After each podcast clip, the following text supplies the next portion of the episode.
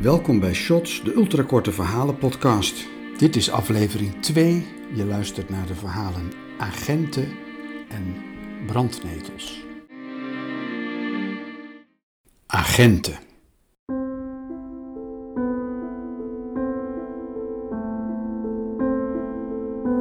Jezus Christine, berg op zijn minst dat wapen even op. Je jaagt onze klanten weg zo. Cherie zit op de trap tussen de rode muren naar de kleedkamer boven. Ze draagt niet meer dan wat je redelijkerwijs nodig hebt om rond een paal te dansen, hier in de Chroomclub. Zuchtend voldoet Christine aan het verzoek en gaat met haar mok koffie een paar treden onder Cherie zitten. Ik word hier te oud voor, zegt ze. Wie niet, zegt Cherie. Trouwens, je wilde toch zo graag meedoen met de jongens? Nou, dat is je gelukt, mevrouw de agent. Jij maakt elke avond iedereen blij. Dezelfde mannen die bij jou geld in je slipje willen steken, willen mij in mijn gezicht schoppen. Ze krijgen de slappe lach. Kusje. Ze doen het. Nog steeds niet bang dat je hier een collega tegenkomt? Dat die je herkent? Nee. Christine neemt een teug koffie. Op een of andere manier had Christine het in haar kop gekregen dat Cherie te benijden was. Het was begonnen toen ze tegen Cherie had gezegd: Jij bent een vrouw hier thuis. Sinds ik bij de politie werk, ben ik geen vrouw meer. Ik ben alleen nog maar agent. Alsof ik geen meubilair ben bij de Chroomclub, dacht Cherie. Maar ze had haar mond gehouden. Enfin, we weten allemaal waar jaloezie toe kan leiden. Maar Cherie vergat niet hoe mooi het was begonnen. Hoe ze op slag verliefd was geworden toen Christine, in volledige oproeruitrusting, haar tegen de grond had gewerkt tijdens een demonstratie tegen of voor iets. Alles geurde naar gras.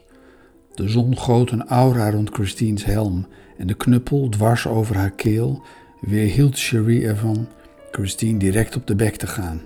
Wauw, had ze gekreund. Met een van traangas krakende stem, Christine wijdbeens bovenop haar.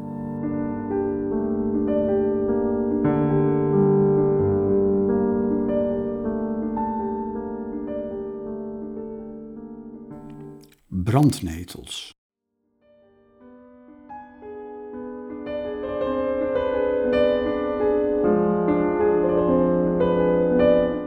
De brandnetels zijn hier zo hoog en talrijk dat het meisje haar armen hoog boven haar hoofd houdt terwijl ze door de achtertuin banjert. In die houding staat ze ook als ze tikt op het raam van de kamer waarin Lijf zit. In zijn ooghoeken had Lijf de meisjesarmen al zien naderen. Hij durfde niet open te doen toen ze aanbelde. Maar nu het meisje aan zijn raam staat, kan hij haar niet langer negeren zonder dat het in de gaten loopt. Hij gebaart dat de glazen tuindeur niet op slot zit. Ze duwt en komt binnen in een wolk van meeverende brandnetels. Lijf schuift zijn schetsblok van zich af. Heb ik dit, denkt hij. Er is niemand om mij te vlechten. Wil jij het doen? vraagt het meisje. Heette ze nou Esther, denkt Lijf, maar zegt: Je vader vlecht jou toch altijd? Mijn vader is weg. Wacht tot hij terugkomt.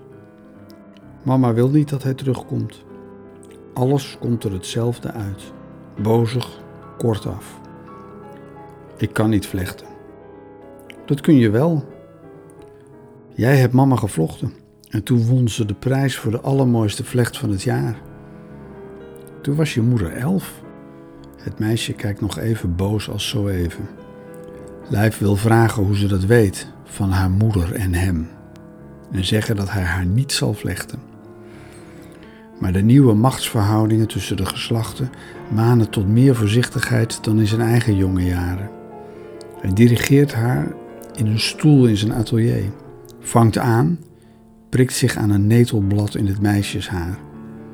Zijn handen trillen even als ze vraagt: Waarom heb je mama nooit meer gevlochten? Ja, Esther heet ze. Op dat soort gedachten concentreert hij zich om maar niet met de vraag bezig te hoeven.